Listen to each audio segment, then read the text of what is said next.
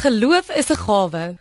Anselmus, die aartsbiskop van Kantelberg het gesê, "Dis nie dat ek dit probeer verstaan sodat ek glo nie. Ek glo, Here, sodat ek kan verstaan. En meer nog, ek glo dat tensy ek glo, ek nooit sal verstaan nie." Wanneer mense oor die onderwerp van geloof praat, is dit baie moeilik om die begrip in een sin te beskryf, want daar is soveel fasette hieraan.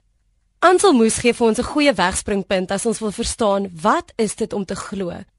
Geloof gaan nie net daaroor om eers te verstaan en omdat jy verstaan, daarom glo jy nie. Nee, geloof kom eerste as 'n gawe van God. En omdat jy glo, dan kan jy verstaan. Efesiërs 2 vers 8 tot 10 bevestig ook vir ons dat geloof 'n gawe van God is.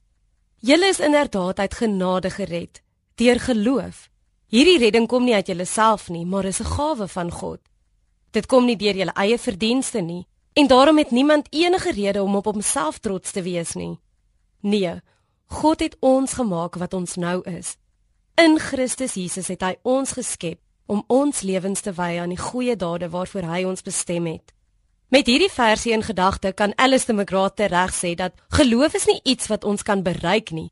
Dit is iets wat God in ons bereik. 'n Mens sien die helderste as jy met oë van geloof kyk. As jy met oë van geloof kyk, sien jy die geleenthede raak wat God deur jou kan doen. En jy wag nie om te sien wat God vir jou kan doen nie. Omdat ons geloof as 'n gawe van God ontvang het, gee dit vir ons 'n ander uitkyk op die lewe. Geloof maak jou opkyk goed, jou uitkyk helder, jou inkyk positief en jou toekoms glorieryk. Geloof help mense om nie net te sien waarteen ander vaskyk nie, maar om dit te sien wat ander miskyk. Die gawe van geloof gee vir ons die geleentheid om alles wat onmoontlik lyk, moontlik te maak. Ek het eendag 'n verhaal gehoor van 'n professor wat vir sy studente vertel het dat hulle die inhoud van die Bybel maar met 'n knippie sout moet neem, want God bestaan nie. Toe hy die geleentheid vir vrae gee, steek 'n student sy hand op. En al kouende aan 'n appel vra hy vir die professor: "Is die appel wat ek eet soet of suur?" Die professor antwoord toe: "Hoe sal ek weet? Jy eet die appel." Jy alleen sal weet of dit soet of suur is. Toe sê die student vir hom: "Dis presies die punt.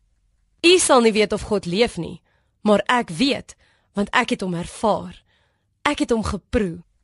Kan jou lewe net soos hierdie student getuig dat jy die gawe van geloof met albei hande aangryp? Kan ander mense in jou lewe sien dat jy hierdie gawe ontdek het en dat dit jou hele lewe bepaal? Hoe jy die wêreld sien en hoe jy in hierdie wêreld optree?"